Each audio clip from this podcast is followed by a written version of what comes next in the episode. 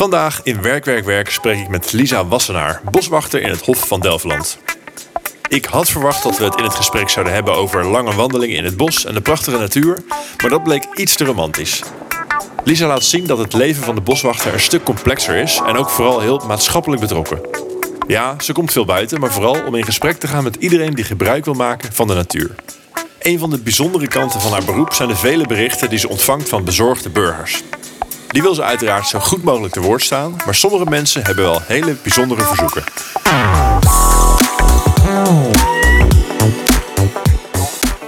Uh, klagen over dat de specht um, op het dakgoot zit te timmeren of op de regenpijp Ja. timmert, of we die kunnen verwijderen.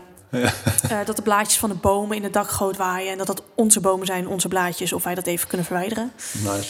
En de mooiste is dat ik in coronatijd werd gebeld door iemand uit Schiedam, helemaal wanhopig. Want ze had de, de, de, de, de brandweer had ze gebeld, politie had ze gebeld, dierenambulance had gebeld en niemand kon haar helpen, want er zat een pauw in de wijk. Ik zeg mevrouw, Een ik ga levensgevaarlijke over de bossen. Ehm, en ik heb geen verstand van pauwen. Ze zegt, ja, maar alsjeblieft kan je even, hè, eh, hoor me aan. Dus ja, dat, zijn echt, dat heeft niks met mijn werk te maken. Ja, Maar alles met mijn maatschappelijke rol eigenlijk. ja. Kun je er wel iets meer over vertellen van wa- wat, wat is eigenlijk de rol van de boswachter binnen Staatsbosbeheer? Ja, we hebben geen één boswachter. Ja, ik som ze even op. En dat is heel lullig gezegd even op, op schaalniveau. Ja. Maar dat heeft er vooral mee te maken. Wij werken met schalen. En je schaal bepaalt eh, hoeveel verantwoordelijkheden jij Ja. Hebt, zeg maar. Dus nou ja, je hebt de teamleider, die stuurt het team aan. Dan heb je dus drie eh, verschillende typen senior boswachterbeheer. Die op allebei, alle drie een eigen takenpakket hebben. Nou, de senior boswachter publiek. Ik verzorg dus de communicatie, educatie. Ik hou me bezig met recreatieve voorzieningen, subsidieaanvragen, et cetera. Eh, we hebben twee BOA's rondlopen. Vanaf Ja, mei Handhaving ook nog. ja, handhaving. Ehm, vanaf mei hebben we heel veel geluk mee. Na een hele lange zoektocht start eh, een nieuwe collega, een eh, vrouwelijke collega. Dus dat is ook wel leuk, want ik ben de enige vrouw in het team. Hm, Dus voor de Los diversiteit van ook wel de, van de stagiaires en de leerlingen die Ja. natuurlijk komen en gaan. Ehm, en dan eh, naast de BOA's ja, hebben we veldmedewerkers en andere categorisering eh, boswachtenbeheer. En we starten dit jaar met het team Binnenwerk. En dat is wel echt heel tof. Ehm, binnenwerk, werk buiten. Een beetje aparte naam. Eh, maar dat zijn mensen met een afstand tot de arbeidsmarkt. Hmm. En die worden door een begeleider vanuit Staatsbosbeheer, gewoon een collega, Ja. worden die aangestuurd in het veld om eh, klussen te verrichten. Ja, dat is een stukje sociaal werk eigenlijk, zoals Ja. we het vroeger hadden Ja, bij Staatsbosbeheer. ja. Nou, ik ben dan de senior boswachter publiek in ons team. Dan hebben we nog drie senior eh, boswachters beheer. Die houden zich bezig met eh, ja, eigenlijk alles wat te maken heeft met planmatig beheer. Ehm, met teams die dan weer landelijk zitten, die ons weer ondersteunen met het beheer en met eh, groot onderhoud, werkzaamheden, et cetera, Ja. et cetera. Bestekken. En wat is beheer en onderhoud? Is, gaat dat echt alleen om bossen of gaat het om Nee. alle groenvoorzieningen in het land? Bij, bij ons, ja, ik kan eigenlijk alleen maar voor onze eenheid. We hebben een relatief unieke eenheid. Daar moet ik eigenlijk al mee beginnen. Mhm. Ja, Eh, welke eenheid heb je het dan over? Hof van Delftland. En wij beheren dus ongeveer 3000 hectare van Vlaardingen tot Hoetermeer tussen Den Haag en Rotterdam. En als je het hebt over structureel beheer, waar, moet ik dan aan denken? Wat voor activiteiten voeren jullie Eh, uit? regulier onderhoud. Ehm, eigenlijk het, ja, even tussen haakjes het netjes houden van de bossen. Ja. Eh, dat betekent niet dat de bosjes helemaal, helemaal strak en zo houden, maar we hebben het hier over snoeiwerkzaamheden en eh, randenbeheer. Dus dat alles gewoon netjes op orde is. De schouwpaden zijn vrij waar we overheen gaan met kraantjes om te baggeren bijvoorbeeld. Ehm, en ook wel groot onderhoud volgens mij, waar we dus echt inzetten op eh, groot onderhoud eh, paden bijvoorbeeld. Ja. Dat de paden verbeterd worden. Eh, de ruitenpaden is ook zo'n variant. Maar ook groot onderhoud wat betreft boswerkzaamheden. Nou, als je daar geen geld voor hebt, dan kan je dat dus niet uitvoeren. En dan gaat ook de kwaliteit van je bos gaat gewoon achteruit. Zo, je merkt misschien al, het is echt heel erg gecompliceerd op de achtergrond. Ja, En Dus er een is stuk, heel veel, veel... stuk meer beleid en politiek misschien dan Ja, dat mensen denken. En er is eigenlijk gewoon een enorm ingewikkelde achtergrond... wat verklaart waarom sommige gebieden er goed bij liggen... en sommige gebi- gebieden minder goed bij liggen. En dat is soms ook heel lastig om over te dragen aan het publiek. Waar, waarom is dat belangrijk om, om, om dat, die vertaalslag te maken naar, naar ja, het publiek? Zeg maar? Omdat mensen uiteindelijk alleen maar zien dat je aan het kappen bent. ja. Dat, dat is wat zichtbaar is. ja, dus die zien staatsbosbeheer kapt bomen. Ja. Niet goed. Dat is niet goed, inderdaad. Want uh, er zijn zoveel problemen, klimaatverandering, noem maar op. Waarom gebeurt dat? Ja. Nou, daar is gewoon, hè, wij hebben ervoor gestudeerd waarom je dat in Nederland moet doen en hoe je dat moet aanpakken en uh, wat er voor terug moet komen, of misschien moet er niks voor terugkomen. Dus uh, daar zit ontzettend veel kennis en een heel, heel groot denkproces achter van niet alleen ons team, maar meerdere andere teams ook landelijk. Um, dus ja, dat betekent dat ik al heel vroeg moet beginnen met communiceren. Ik begin vaak al een jaar van tevoren, voordat ze gaan boom, uh, oh, ja. de boom, stip op de bomen gaan zetten, begin ik al met communiceren. Dan pas mogen ze die stip op de bomen zetten. Ja. Um, en dan... want die, die stippen, die, die vaak gele of blauwe stippen, dan gaan, dat is natuurlijk al een beetje als een soort van, soort van rode lap op een stier. Dan gaan mensen al zeggen van, oh jee, dan wordt hier weer van alles uh, omgezaagd. Ja, maar als je gewoon goed communiceert en vertelt waarom, mensen de ruimte geeft om in discussie te gaan. Um, want dat vind ik goed, dat mensen je, je kennis testen. Ja. He, zo, dat houdt je ook scherp en dat zorgt ervoor dat je altijd um, ja, nagaat of, of, het, of het allemaal inderdaad, heb je het goed digetimmerd, weet je wel. Dus vind ik heel belangrijk dat mensen, mensen ons wel scherp houden. Ik vind wel, er zit daar wel nuance in qua uh, toon. Hè? Het is van, goh, waarom gaan jullie bomen kappen en je hebt... Uh, uh, jullie kappen bomen, jullie zijn slecht en meteen een, ja. een hele kanonade afschieten. Uh, er zit natuurlijk wel nuance in. Uh, maar wij staan altijd, we hebben niks te verbergen, dus vraag het gewoon. Ja. Heb je een vraag, zie je dingen, vraag het. Ja. ja. Hey, Cas hier. Superleuk dat je luistert naar Werk, Werk, Werk. Ik hoop dat je het wat vindt en dat je de show wilt supporten. En dat kun je doen met drie simpele stappen. Stap 1. Laat een review achter en geef Werk, Werk, Werk 5 sterren, zodat meer mensen de show kunnen vinden. Stap 2. Abonneer je op Werk, Werk, Werk door op volgen te klikken in je favoriete podcast-app. Stap 3. Schrijf je in voor de nieuwsbrief op werkwerkwerkpodcast.nl. Klaar? Luister dan lekker verder. Kun je iets vertellen wat jij hebt gedaan qua studie of opleiding om in deze rol terecht te komen? Wat je daarvoor moet, moet kunnen en kennen? Ja, ik heb best wel een lange weg genomen. Uh, ik kom van het VMBO-TL. Ik had best wel rekenproblemen, dus ik kon helaas niet naar HAVO toe. Nou ja, helaas. Achteraf ben ik heel blij, want HAVO stond bekend om zijn huiswerk. En laten we eerlijk zijn, wie wil een huiswerk maken? um, nou, ik uh, ben toen naar het MBO gegaan, toegepaste biologie. Tijdens die opleiding toegepaste biologie heb ik ontdekt dat ik wel iets meer wilde op communicatie, educatie en natuur. Dus die combinatie. Dus toen ben ik op uh, Van Hal Lagerstein begonnen in Velp, HBO Bos en Natuurbeheer. Gespecialiseerd in mensen en natuur. En ik heb dan de, uh, daarnaast nog de kopopleiding educatie en kennismanagement van de groene ah, sector zag je toch nog van langs ja. die kant ook nog wat stukje Dus ik heb dus ook een tweede graads docentendiploma. Ja. ja. En, en als mensen um, um, bijvoorbeeld nou, na zo'n gesprek denken van... Hey, ik vind het eigenlijk ook best wel gaaf om deze kant op te gaan, maar je hebt al een carrière. Is dat mogelijk? Zie je mensen Zeker. die nog een soort van zijenstromer... Uh... Ja, we hebben heel veel mensen die van carrière switchen. Um, daarom dat wij ook investeren in een, een leerlingstelsel. Dus dan moet je door een selectie heen en dan kan je leerling worden... Uh, dan krijg je dus uh, betaald bij Staatsbosbeheer. Dan kom je eigenlijk als collega een soort van in het systeem. En dan doe je er twee of drie jaar over, twee jaar. Hmm, ja, een soort opleidingsleren Ja, het is, het is echt een uh, opleidingstraject inderdaad. Ja. Uh, en daar zitten best wel veel mensen in die gewoon een hele andere achtergrond hebben. Ook verschillende leeftijden. Het kunnen hele jonge mensen zijn. Het kunnen mensen zijn die al een heel leven erop hebben zitten... en toch nog besluiten om wat anders ja. te doen. Ja, het kan gewoon allemaal. Ja. Als jij gewoon de juiste kwaliteiten hebt die passen bij de eenheid... dan maak je gewoon kans, ja. Ja, leuk. Dus ook voor mensen die al die denken van ik zit al vast in iets anders. Ja. Kunnen ze nog bij uh, Staatsbosbeheer aan de slag. En je zei net dat, dat jouw rol als die sta, bos, boswachter publiek. Mm -hmm. um, en toen noemde je een aantal dingen. Misschien kun je er zo nog wat dieper op ingaan van wat jij dan doet. En dat was eigenlijk helemaal niet zoveel in het bos staan. dus kun je dat nog wat meer uitleggen? Wat, nou, wat jouw verantwoordelijkheden zijn dan binnen Staatsbosbeheer? Um ja, dat vind ik altijd heel lastig, want het zijn er heel veel verschillende en de poppen telkens weer nieuwe op. Ja. maar mijn verantwoordelijkheden zijn onder andere het aansturen van de mentoren van de vrijwilligers. Dus we hebben een heel vrijwilligerssysteem. Mm. En um, nou, bepaalde groepen worden onder collega's verdeeld. En ik zorg ervoor dat mijn collega's ja, bij blijven. Zorgen dat ze hun verantwoordelijkheden pakken. Kijken of er issues zijn, of ik daarbij kan helpen. Ik zorg ervoor dat elk jaar de vrijwilligers een mailtje krijgen op hun verjaardag. Die zet ik vast klaar in mijn postvak uit. Ja. en dan op hun verjaardag ontvangen ze een mailtje. En dan frutsel ik zelf in, uh, in, uh, in Photoshop of zo'n kaart in elkaar. En dan ontvangen ze die. Um, even kijken, dat zijn de vrijwilligers. Ik werk aan maatschappelijke samenwerkingen. Um, ja, en om, ik, ik kan nog wel meerdere samenwerkingen noemen, maar het komt eigenlijk op neer dat ik scherp blijf op waar um, wij een bijdrage kunnen leveren aan een zorginstelling bijvoorbeeld. En waar een zorginstelling ons kan ondersteunen. Ja. En soms kan het zijn dat er voor ons geen winst is. Um, Ipse de Brug zijn fantastische mensen. Ja, wat is dat? We, um, ja, dat is een zorginstelling uh, met, met in dit geval gaat het om een afdeling uh, met meervoudige gedragsproblematiek. Uh, eigenlijk zijn het mensen die nergens een plek in de maatschappij kunnen vinden en eigenlijk ook nergens welkom zijn door hun gedragingen.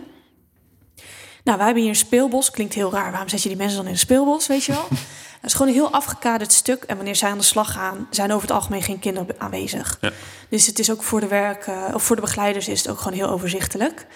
Ja, kijk, we weten dat als wij zeggen snoei de braan weg, dus ze, worden, ze worden zo fanatiek, ze snoeien alles weg. uh, dus daar moet je rekening mee houden. Maar wij halen daar heel veel werkplezier uit. Ja. Want we kunnen gewoon een groepering die nergens eigenlijk echt welkom zijn, kunnen wij gewoon een plek bieden. En nou vechten de begeleiders er nog net niet om om ook naar het bos te mogen. Ja, dus, mooi. En we hebben de, de samenwerkingen zelfs opgeschaald. Dus we waren eerst maar één keer in de maand. Nu is het op een andere dag, waardoor meer cliënten mee kunnen. En dus twee keer in de maand uh, komen ze nu. Ja, dat is gewoon fantastisch. En er zit eigenlijk in jouw werk dus veel meer uh, maatschappelijke ja. elementen dan per se natuur en, en uh, ja, natuurbeheerselementen. Ja, als je wat meer kijkt naar natuurbeheer, is het meer dat ik eigenlijk de kennis en de boodschappen vanuit het team moet vertalen naar het publiek. Precies. Ja. En um, binnen het uh, deel van Staatsbosbeheer, zei je net al, heb je allemaal, het is best wel een uitgestrekt gebied. Mm -hmm. Kom je dan ook in al die gebieden of zit je eigenlijk meer op kantoor? Ik ben niet altijd, ik ben niet veel in de gebieden zelf, mm -hmm. maar ik ben wel vaak op pad voor afspraken. Mm, ja. Dus ik ben wel vaak op pad, noem ik het dan maar. En wat, wat, wat voor reden heb je dan om uh, nou ja, op pad te gaan? Ja, ik zit hier nu met jou, dat is er eentje. Bijvoorbeeld, een soort externe communicatie. Ja, externe communicatie veel. Um, uh, maar ik doe ook wel mijn best om naar mensen toe te gaan om te kijken in wat voor omgeving ze zitten, waar ze mee bezig zijn en ook interesse te tonen in wat daar gebeurt. Uh, want het laatste wat ik wil is dat we allemaal te veel op eilandjes werken, want daar gaat, nou ja, ik denk dat ik dat wel kan zeggen. Wat je ziet bij overheidsinstellingen is ja. dat vaak iedereen op eilandjes werkt, dat het langs elkaar heen schuurt, maar nooit echt hè, de handen ineens slaat. Ja. En dat, dat ervaren wij natuurlijk ook. Uh, maar ik denk dat het heel belangrijk is om, uh, om interesse te tonen in elkaar en te kijken waar je elkaar kan ondersteunen en helpen. Ja. Dus jouw bezoekjes naar zeg maar, extern zijn ook dan vaak naar andere. Naar de gemeente, uh, overheden of pachters. Of... Ik kom net toevallig terug dan van een pachter. Uh, een echt fantastische man is dat. Doen we even een bakkie. Nou, je denkt, ik ga er even een half uurtje heen. is nooit een half uurtje. Ja. maar die, die relaties onderhouden is dan dus ook onderdeel van ja. jouw rol. Ja, en dat vind ik ook echt wel een van de leukste dingen ja, om te doen. Dat kan ik me voorstellen. Ja. Gaaf. En je, je doet nu ongeveer drie jaar, volgens mij, als ik het goed heb gezien, ja, zit je ongeveer deze rol. En, en misschien als je, als je met andere mensen over je werk praat die, die, die niet bij Staatsbosbeheer werken, als je op een verjaardag of zo iemand vraagt: wat doe je? Zeg ik ben boswachter. Merk je dan van, van een bepaald verschil tussen wat mensen verwachten en wat, het dan, Ja. wat jij ervaart? Heel erg. Ehm, we hebben best wel een, he- best wel, we hebben een enorme werkdruk op ons liggen. We, we lopen de long uit ons lijf. Ehm, en als je dan inderdaad op zo'n verjaardag zit of je zegt dat je boswachter bent, vaak doe ik dat eigenlijk al niet eens. Is het eerste wat mensen zeggen: Oh, wat leuk, dan ben je Ja. de hele dag buiten. Nou, dan gaan mijn buiten. nekharen overeind staan. Ehm, het is natuurlijk niet denigrerend bedoeld, maar ehm, het, het doet, doet de functie geen eer Nee, aan. het voelt misschien een soort onderschattend van wat je Ja, allemaal het is zo complex waar wij mee bezig zijn. Er zit ontzettend veel denkwerk achter. achter. elke stap die we zetten. Ja. En, en als je de, de, de toekomst, of voor jezelf of voor iemand die, die geïnteresseerd is in, de, in de- deze soort van line of work, Mhm. ehm, kun je wat vertellen over hoe een, een carrière als boswachter eruit ziet? Dus zit daar een bepaald verloop in of zitten er een soort van stapjes die je kan maken? ook dat verschilt heel erg. Wat past bij jou en wat zijn je ambities? Ja. Ehm, ik had in eerste instantie niet de ambitie om dus de hele dag buiten te zijn. Dus voor mij was een baan waarbij al duidelijk werd gemaakt dat het ook grotendeels kantoorwerk was, was voor mij niet vervelend, zeg maar. Ja. Ja, ik vind het best wel lastig. Kijk, als jij een HBO-diploma hebt behaald en jij wilt ook een HBO-functie, ja, dan ga je niet naar buiten toe. Ja, dus de, de, de, de groeimogelijkheden zitten vaak wat meer misschien aan, de, aan de, de kantoorkant, om het zo te zeggen. Ja, ja, even heel cru gezegd. Je kan als veldmedewerker om de duur denken van... oké, ik wil wat meer gaan betekenen in, in het planmatig beheer, om het maar even zo te noemen. Kijk, dan kan je van de schaal 5-functie naar de schaal 6-functie uh, eh, doorstromen... en zelfs helemaal tot 8. Ja. Um, voor mij zijn er ook wel doorgroeimogelijkheden... maar dan ga je meer kijken naar um, provinciaal. Dus dan wordt eigenlijk je dekkingsgebied steeds een beetje groter, zodat ja. je wat meer uit misschien. Ja, en dan kom ik weinig tot niet meer buiten eigenlijk. Ja. Denk bijvoorbeeld dat je dan, um, och, hoe heet die, die functies hebben hele lange namen. Zal een test waarschijnlijk. Burger en arbeidsparticipatie en weet ik wat allemaal. Nou, ja. maakt niet uit. Maar steeds meer um, beleidsmatig misschien ook ja, dan. dan ga je echt beleidsmatig zitten. En ik moet eerlijk zeggen, ik vind deze functie zo fijn omdat ik wel enigszins het een klein beetje kan inrichten. Ja. Ik word vooral geleefd hoor, maar zo nu dan kan ik het ook wel zelf een beetje inrichten. En als ik naar buiten wil, dan kan ik dat gewoon doen, want ik heb een goede reden ervoor. Ja.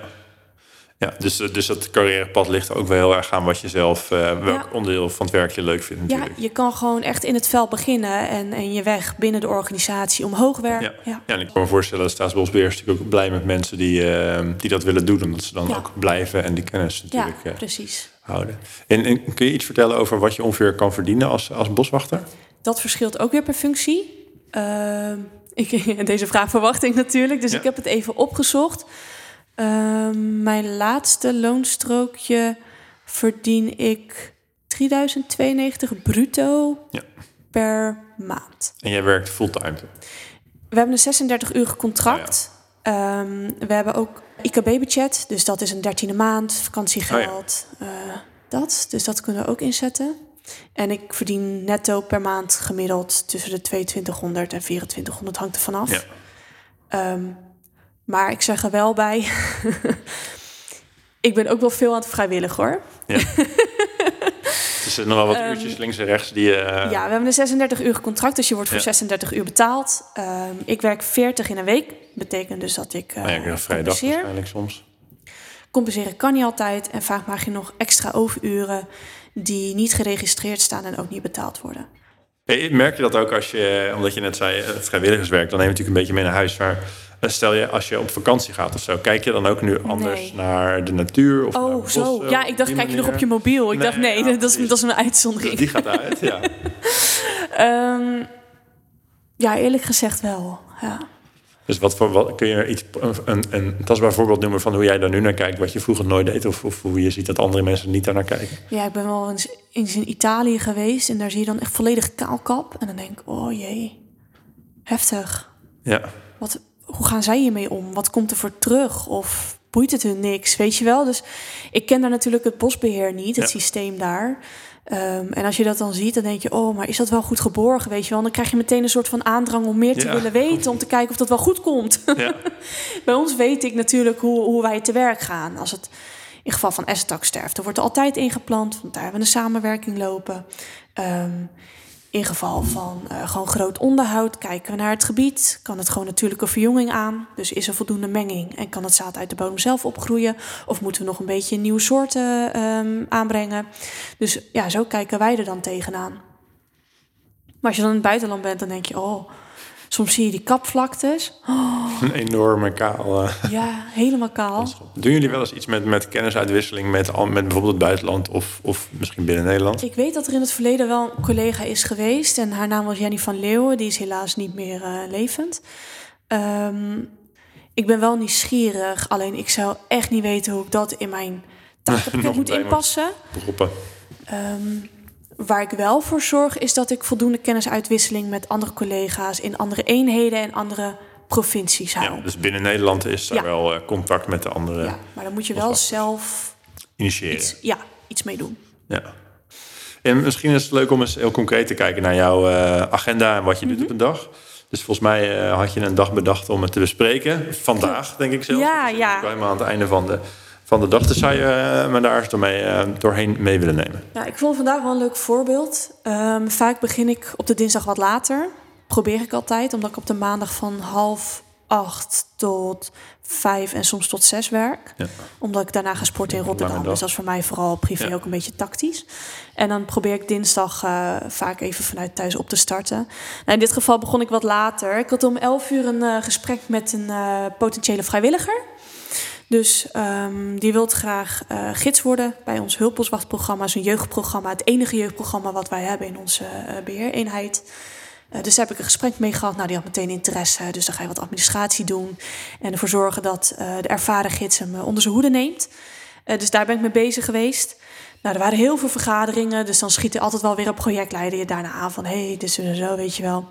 Wil je dat jij ook veel vergaderingen had of dat andere? Nee, andere. Dus het was heel druk oh, op kantoor. Echt heel druk. Met allemaal projectleiders die dan ja. aanvliegen. En er waren sollicitatiegesprekken of nee, arbeidsvoorwaardengesprekken voor onze nieuwe binnenwerkteam.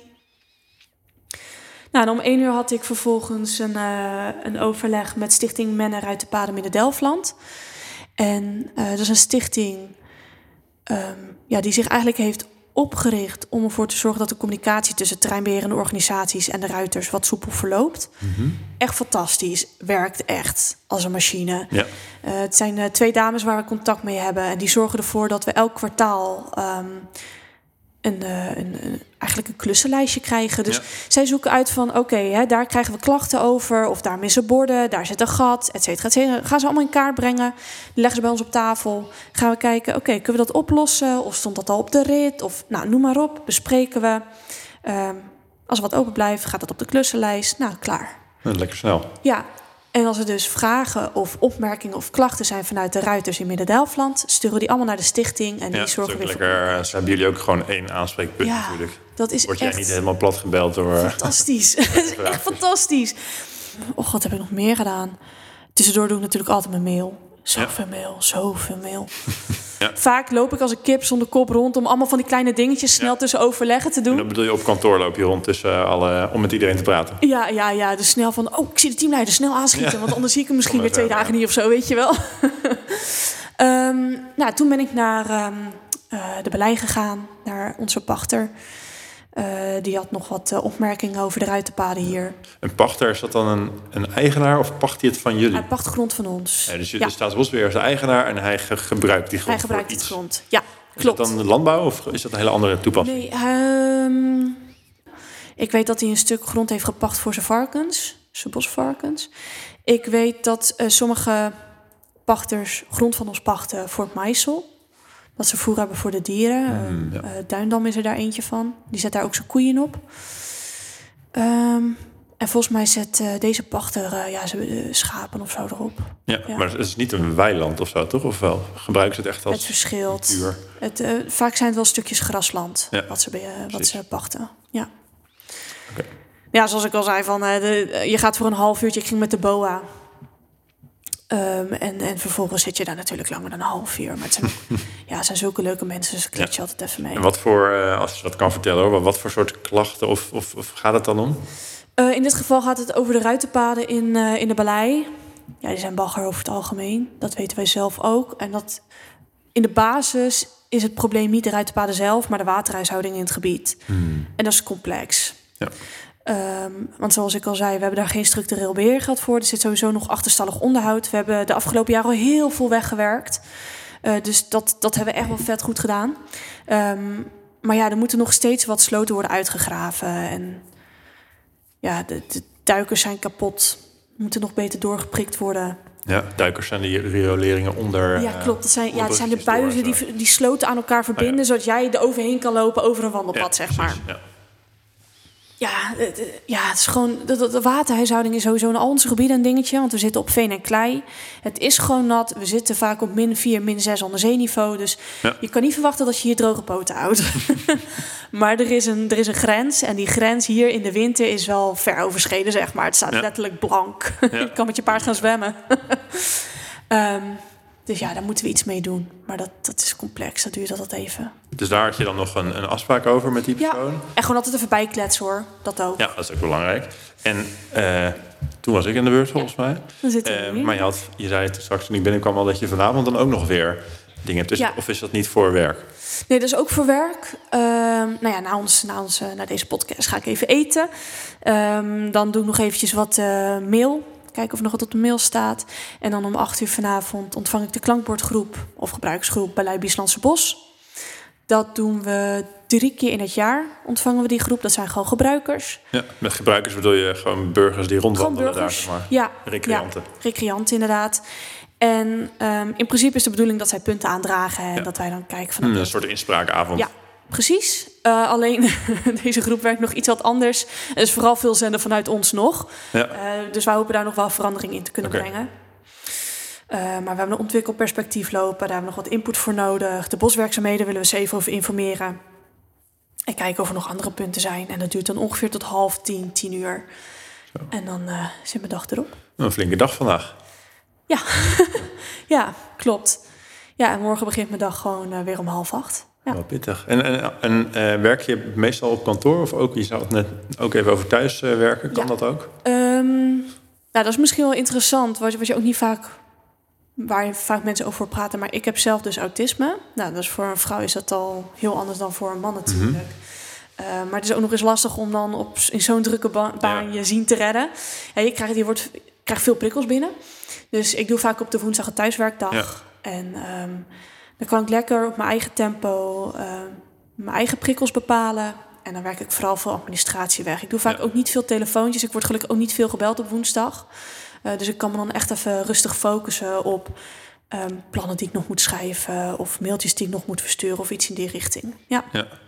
Ja, want ook daarbij hebben mensen misschien dat beeld van eh, boswachters altijd buiten. Dus je kan ook nooit thuis werken. Maar jouw werk is natuurlijk best een beetje anders. ja. En, en dan eigenlijk ook wel geschikt is om eh, daar een beetje een flexibele oplossing voor te vinden.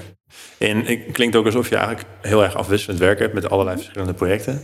Ehm, ik ben wel benieuwd of je een concreet voorbeeld kan geven van bijvoorbeeld wat nou je een hele leuke dag vindt. Misschien van de laatste paar weken. En, maar ook van waarvan je zegt, nou dat vind ik dus een wat minder leuke dag. Of dat past niet. eh, Nou, hè, dat ja ik, heb, tegen. ik heb niet per se minder leuke dagen, maar soms gewoon mindere momenten. Dat Ja. je dan even zo'n telefoontje binnenkrijgt dat je denkt van waarom sta je iemand zo te woord? Waarom moet je zo zuur doen?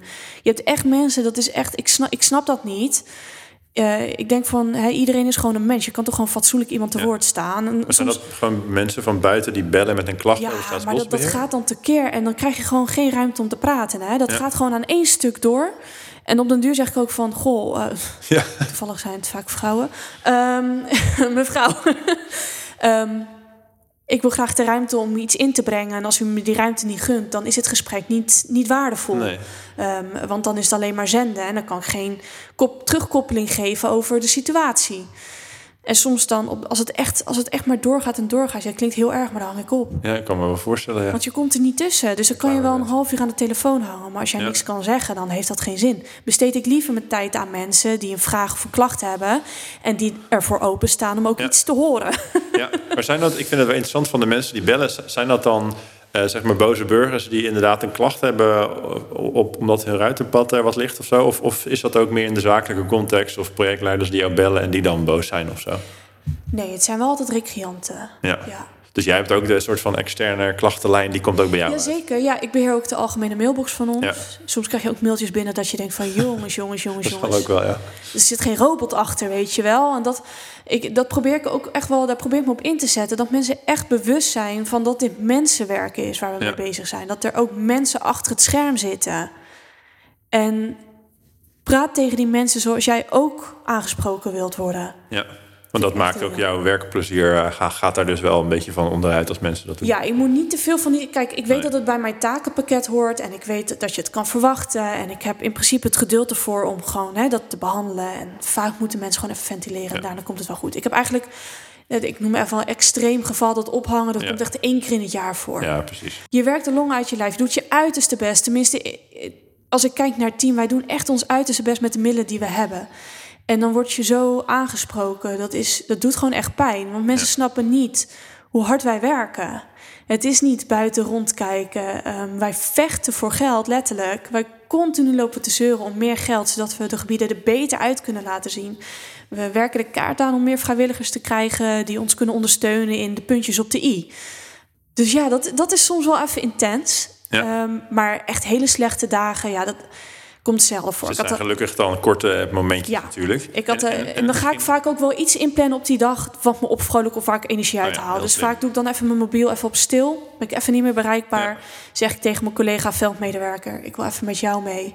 En dan sta ik desnoods stomzinnig te kijken... hoe hij een, een paal in de grond aan te slaan is. Want ik heb twee linkerhanden. Ik kan gereedschap aangeven, maar... Je bent de enige boswachter die geen paal in de grond kan slaan. Ik kan het wel hoor, maar ik heb geen geduld. Um, maar dan op die manier zoek ik dan mijn steun weer binnen het team. En we steunen elkaar ook daarin. Dus ja, uh, ja. maar echt hele slechte dagen. Ja, ik heb er laatst had ik een paar achter elkaar omdat de projecten even misliepen. Ja, nou, zit je even in een dipje en dan denk je: kom op, Lisa, je kan niet overal invloed op hebben. Even de ballen bij elkaar, even doorbijten. We zijn er zo doorheen. Ja. En de leuke dagen, ja, ook dat zijn gewoon, het zijn gewoon leuke momenten. Het plopt op. Uh, maar de maandagen zijn voor mij de meest. Ja, plopt op. Uh, de leuke momenten kunnen opploppen. Oh ja, en, nice. en, en, oh, en slechte momenten op. kunnen ook opploppen. nice. Ik dacht, plop, top. Wat is dat? Pop, ja. plop, pop. Ja, geen flauw idee. Ja. Kies er wat uit. um, maar de meest productieve dagen zijn voor mij altijd wel de maandag. Dan, oh, dan verzet ik altijd heel veel werk. Heel veel overleggen. Je gaat Voelt dat lekker dan ook? Omdat je het zo is, is Vind je dat fijn? Bedoel je dat ook met dat geeft ook uh, voldoening? Ik ben helemaal gesloopt daarna. Ja. Uh, want het is heel intensief.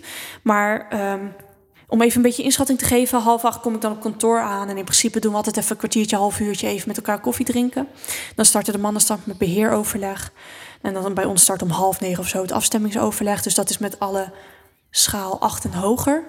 Dus meer op de planningsniveau. Ja. Uh, daar staan we het een en ander in af.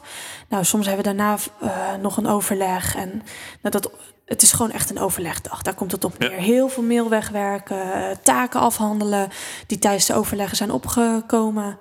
Um, ik heb elke maandag ook nog een uurtje overleg. Uh, een communicatieoverleg van een saneringstraject die we in Vlaardingen hebben lopen. Om ervoor te zorgen dat dat goed gaat. Dus dat is echt even negen uurtjes keihard doorbuffelen. Ja, is heel intensief, maar je verzet dan wel even heel veel werk. En uh, dat is, ja, dat is echt mijn productiefste dag. En dinsdag is vaak iets minder. Toevallig deze week een hele productieve dag. Maar dan heb ik vaak een inkakkertje. Sommige mensen hebben last van, een, uh, van dat de maandag zo'n opstartprobleem. Dat heb ik op de dinsdag. Even afkoelen weer van ja, ja.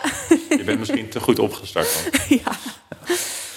En, en um, uh, als je, je, bent natuurlijk veel bezig met uh, de natuur. Uh, mm -hmm. er is, nu is natuur opeens ook een heel politiek onderwerp geworden. Mm -hmm. Met, met de, de wolf, noemde je net even, ja, maar ook ja. stikstof, stikstof, dat soort dingen. Energietransitie. ja, dus, dus, dus sowieso. ik ben benieuwd, hoe merk je dat? Of hoe ervaren jullie dat? Omdat het, ik bedoel, het gaat maar niet eens om wat jij ervan vindt per mhm. se, maar dat mhm. die onderwerpen opeens zo in de algemene belangstelling staan. Als staatsbosbeheer landelijk hebben we gewoon, hè, uh, willen wij een steen, of moeten we eigenlijk een steentje bijdragen aan de landelijke opgave. Dus de, de stikstofdepositie, uh, woningbouw. Um, och, ik kon ze alle vijf opnoemen. De hele, de hele lijst met, met crisis, zeg maar, die komen natuurlijk bij jullie ook voorbij. Energietransitie. Uh, de opgave die we ook nog liggen op het gebied van stikstof is veenvernatting. Uh, wij willen 5000 hectare landelijk aan veenvernatting doen. Want doordat veen verdroogt, komt er dus natuurlijk allemaal stoffen vrij ja. door het uh, verteringsproces. Um, ja, daar hebben we hier wel echt een mooie opgave voor liggen. We hebben een paar stukken waar echt nog veen in de grond zit. Wat, waar we inderdaad zien dat het begint in te klinken. Ja. Dus dat verdroogt. Um, dus daar moet iets mee gebeuren. Maar dat is zo complex. Ja. Oh, de waterpeilbeheer. Eh, we hebben een aantal waterpijlen in eigen beheer. Maar daar kan je nooit zomaar iets mee gaan doen. Ja. Want je moet altijd afstemmen met de agrariërs en de tuinbouw uh, om je heen. Ja, dat is natuurlijk super. Want, want het, heeft altijd invloed, ook op anderen. Elkaar, natuurlijk al die vaatjes, ja. ja. En denk ook aan je paden. Als je iets onder water gaat zetten, gaan die paden gaan ook onder water. Ja. Dus hoe ga je met je recrea recreatieve voorzieningen om? Dus dat is, oh, dat is zo complex. Ja. Maar wel heel fascinerend. Ja. En hoe kijk je zelf naar uh, de natuur en de ontwikkelingen om je heen? Maak je daar zorgen om? Of, of uh, misschien juist wel niet, omdat je ziet dat er goed voor wordt gezorgd? Ja, dat is dus een beetje tricky. Want de discussie die ook eeuwig blijft doorgaan is: heeft Nederland wel natuur? De definitie van natuur is iets wat spontaan opgroeit zonder hulp van Precies. de mens. Ja. Dus ook wat je als boswachter doet, zou je kunnen zeggen, is, kun je ook zelf zeggen, is niet natuurlijk, want je grijpt in. Precies. Ehm, eigenlijk onkruid tussen tegels is misschien het meest, het meest echte stukje natuur wat je, wat je kan krijgen. Want de rest is bijna alles is aangeplant. Dat was natuurlijk met de, met de industriële revolutie rond die tijd is alles tegen de vlakte aangegaan. Ja. Eh, waren misschien wel productiebossen voor de mijnbouw en dergelijke. Maar pas in de tijd van de landgoederen ehm, werd het interessant om bossen aan te planten. Want daar moest wild in, om Ja. op te jagen. Dus vanaf toen begon het pas een beetje te leven. Ehm, maar maak ik me heel veel zorgen om de natuur? Niet per se. We hebben dingen aangeplant. Ik vind dan moet je daar ook verantwoordelijkheid voor nemen. Dat is een hele wijze beredenering die ik van een collega heb gehoord. Eh, van ja, we, we hebben het aangeplant, daar moeten we ook de verzorg voor dragen. Ja. Dus je moet het onderhouden. Dus wat dat betreft maak ik op dat gebied geen zorgen om. Ik maak me wel zorgen over. Ehm, we hebben nu al 2 miljoen buren aan onze gebieden. Dat wordt alleen maar meer. Maar er komen niet meer groengebieden bij. Ja. dus ik maak me wel een klein beetje zorgen over de druk op de gebieden. De verhouding gewoon tussen hoeveel mensen we hebben en hoe, Ja. hoeveel natuurgebieden. En er ontstaan met het jaar steeds meer conflicten tussen gebruikersgroepen. Ja. Oh ja, want is het ook veel drukker in het bos? Ja. Of zie je dat toenemen? ja. Ja. En zeker natuurlijk aan de recreatiekant kan ik me voorstellen. Is dat Ja, je moet denken, het is ook een waterbed-effect. Eh, we hebben heel erg last van die hondenuitlaatservice. Die beesten staan 9 van de 10 keer niet onder appel. Ja. Verschrikkelijk. Iedereen in coronatijd heeft hond genomen. Niemand weet meer de, de, de, Ja. oude regels, de onuitgesproken regels van je hond.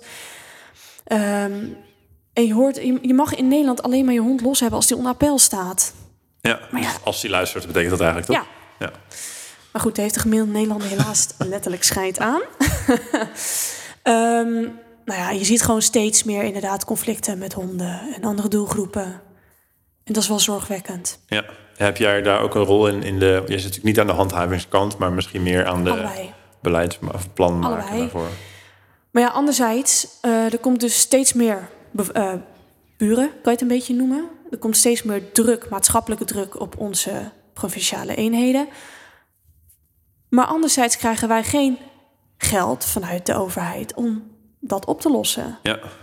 Dus dat is wel een beetje vreemd. Ehm, dat we hier de gebieden beheren als uitloopgebieden, hè, de groene uitloopgebieden van de steden. Het wordt steeds drukker. ja, en zeker Er wordt steeds meer van ons natuurlijk. verwacht. Eh, maar we krijgen niet extra geld voor mankracht. Ja. Maar we hebben, het is wel de verwachting dat we het allemaal oplossen en reguleren. En het vervelende is, wij doen het ook allemaal. Want anders, hè, wij vangen ook weer de klappen op. Eh, dus iedereen denkt van, oh, gaat allemaal goed, weet je wel. Eh, ja. Eh, maar dat, dat is niet Beetje zo. hetzelfde als wat je wel eens hoort over mensen die werken in de zorg. Van omdat het ook gewoon heel belangrijk is wat je doet. Ja, ga, maar je, ga je, ziet toch het. de gaatjes maar je kan het niet laten Ja, escaleren, want je ziet wat voor schade dat oplevert. En daar Ja. wil jij gewoon niet als persoon bij betrokken zijn. Dat doet gewoon letterlijk, dat doet gewoon je, je, je ziel doet gewoon pijn. Hè? Je werkt daar met een zorghart. Eh, wij werken hier Ja, met een met groen een- hart, met zeg ik het maar natuurhart, ja, eventjes. precies. Het is eigenlijk heel vergelijkbaar. Ja, dus laten escaleren. Dat ga je niet doen dan. Daarna zijn wij altijd weer de gebeten om, want Staatsbosbeheer. Ja, heeft het al gedaan ehm, het is nooit een keer, ja, maar de provincie. Ja. Of ja, maar de ja, overheid. jullie zijn ook heel zichtbaar natuurlijk op die eh, Ja. onderwerpen. Dus dat is iets waar we nu al heel erg tegenaan lopen. Ja, ja. dat is wel een zorg. ja. En, en als je voor jezelf, ehm, nou, dat is natuurlijk altijd moeilijk, maar tien jaar vooruit zou kijken. Ja. Ehm, en ook jouw persoonlijke carrière. Mhm. ehm, wa- wa- wat, als je een beetje mag dromen, wat zou je nou leuk vinden om, eh, om Lisa over tien jaar te doen? Als ik je dan weer zou interviewen. Ja, dat is heel toevallig dat dat verhaal begint al vanaf juni. Oh ja, natuurlijk. Ja, vertel. Ehm, ja, tijdens mijn. eh, ik, ik ben ongeveer in 2000, februari 2020 ben ik begonnen bij Eenheid Hof van Delftland. En daar stelden ze ook de vraag: waar zie jij jezelf over vijf jaar? Ja. Nee. Oké, nou, ik ben wel relatief honkvast. Als ik ergens van ga, ga ik ook volledig voor. En ga ik niet zitten denken wat allemaal nog meer zou Ja. kunnen. Maar ik dacht, nou, als ik echt dan een beslissing moet maken, zie ik me over vijf jaar in Flevoland. Lijkt me helemaal fantastisch. Ik weet niet, ik heb wat met de natuur daar. Ja. Het is heel erg jong. Ehm, maar er zitten daar een paar beheerders die het bosbeheer best wel goed onder de duim hebben. Ah, dat is ook een mooi team dus om bij te werken. Ja. Ehm, dus dat heb ik toen gezegd. Nou, nu bijna 3,5 jaar later ehm, krijg ik een plekje in Zeewolde. ben ik daar aangenomen als senior boswachterpubliek. En ga ik dus die overstap maken. Dus ik heb nu ook niet echt dat ik kan zeggen van... ehm, ik zie me over zoveel jaar dit zus of zo doen. Ik, wil, ik, ik, ik heb nu vooral heel veel zin om me te focussen op die functie. Ja. Andere invulling van het takenpakket, andere vraagstukken die daar landen. En ehm, ja, ik wil gewoon vooral eerst handigheid daarin krijgen. Ja. ja. Dus voor de komende tijd ga je eigenlijk juist lekker door in deze Ja. richting. En, en wat wordt, als je in de korte samenvatting, wat wordt er anders voor jou bij, eh, in, de, in Zeewolde dan wat je hier doet of deed? Nou, we hebben hier te maken met recreatiegebieden. Mhm. Ehm, Daar zie ik veel meer. land- en daar zijn natuurgebieden. Ja. Dus we hebben hier versnipperde stukjes bospercelen, noem ik het even, omdat het geen natuurgebieden zijn. Daar hebben we straks eh aaneengesloten stukken bos. Ehm, waarbij je kan zeggen dat het natuur is. Volgens mij heeft het ook de stempel natuur. Ja. Dus krijg je ook weer subsidies voor. En recreatieve voorzieningen zijn dan daar weer, staan dan weer net een tree onder. Ja. Het klinkt, een beetje, het klinkt een beetje raar wat ik nu zeg, maar je moet dus denken in deze recreatiegebieden moeten we faciliteren in recreatieve voorzieningen, Ja, dus omdat dat we daar een kleine subsidie voor krijgen. Dat sta- staat op één. En het is aan ons als groene organisatie om daar de balans in te vinden. Hoe kunnen we ervoor zorgen dat de recreant kan recreëren en het bos kan beleven? En anderzijds, hoe zorgen we ervoor dat die natuurontwikkeling niet stilstaat? Ja. Dat is hier de balans. Daar zit je vooral op natuurontwikkeling en kijk je, oké, hoe kunnen we zorgen voor een stukje beleving? Dus dat is net omgedraaid. Dus ik ben erg benieuwd hoe dat. eh, Dat is ook weer een leuke nieuwe, nieuwe zwaartepunt wat dat Ja. daar, daarop Ja. komt te liggen. ja, zeker. Uh, gaaf. Nou, gefeliciteerd met je nieuwe, nieuwe job dan alvast. Dankjewel. Vet Ehm, spannend altijd. Ja, maar, eh, dat kan ik me voorstellen. Ehm, en als we die, die exercitie ook nog heel even als laatste vraag, als we die nog andersom zouden doen. Dus stel je zou terug in de tijd kunnen reizen en, en nog even met jezelf kunnen kletsen van toen je echt net begon aan dit werk. Is er iets wat je in de afgelopen jaren hebt geleerd waarvan je nu zou zeggen, nou dat was eigenlijk wel fijn geweest als ik dat toen al heel snel had geweten of geleerd? Eigenlijk, eh, nee, heb ik dat niet zo heel erg. Mhm. Ik had misschien nog wel iets meer willen leren over gesprekstechnieken. En daar iets wat meer, dat heb ik maar een halfjaartje gehad vanuit mijn eh, kopopleiding. Ja, Ehm, en ik merk wel dat is wel misschien een van de meest waardevolle zaken. want je praat natuurlijk eigenlijk de hele tijd met mensen. Ik praat veel. Ja. Ja. dat merk je misschien nu ook. Je moet straks heel veel goed, je kan goed praten. Ik praat veel. Je hebt ook Ja. veel gesprekken. Ja. Ehm, maar wat, wat ik nog bij mezelf mis qua ontwikkeling, maar dat ligt misschien ook nog wel een beetje aan mijn leeftijd, is de bepaalde volwassenheid om duidelijke grenzen te kunnen stellen. Ik merk gewoon, ik ben enthousiast. Ik wil graag dingen goed doen. Zit ook in mijn karakter, dus ik denk niet dat het zomaar gaat veranderen. Ehm, maar ik zie soms wat oudere collega's die zeggen: Nou, om vier uur gaat mijn mobiel uit en morgen begint een nieuwe werkdag. Ja. Ik denk, oh, dat wil ik ook. Ik wil ook dat gevoel een keer hebben. Maar ik, ik weet niet of dat gaat gebeuren. Maar een bepaalde senioriteit of volwassenheid. Maar ik denk dat dat gewoon met de jaren komt uiteindelijk. Ja, Ja, en het is ook wel dat je dat nu, nu nog misschien wel die eh, soort van enthousiasme hebt, is natuurlijk nu ook wel een kwaliteit. en ja, ik denk dat die enthousiasme ook niet weggaat. Hoor. Als ik kijk naar mijn vader. ehm, ik heb best wel veel karaktertrekjes. Dat praten en harde stem heb ik allemaal van hem. Dus ik heb een pretpakket gekregen. Ehm, ik denk dat het enthousiasme gaat er niet uit. Dat is echt Ja. onderdeel van mij. Ehm, maar wat ik vooral heel erg hoop, is dat ik een bepaalde... Ja, dat ik een soort van rust ga vinden. Ja. En een bepaalde vorm van zelfvertrouwen. Dat ik weet wat ik aan het doen ben. Want laten we eerlijk zijn. Volgens mij heeft iedereen wel eventjes dat hij denkt... wat ben ik aan het doen? Precies, ik zeggen, dit is volgens Fake it till you make it, weet je wel. zoektocht die iedereen heeft. ja. Ja, nee, ik heb natuurlijk gewoon gestudeerd en ik heb alle kennis echt wel in huis. Alleen het toepassen, dan, dat is soms gewoon spannend. Ja. Ja. dan moet je gewoon aldoende leert men. En dat is ook zeker in dit vakgebied. Ja. Nou, volgens mij heb je nog eh, heel wat mooie jaren dan te gaan om dat eh, waar te maken. ja. Ehm, ik vond het superleuk om eh, van jou nu al wat te hebben mogen geleerd. Dus bedankt daarvoor.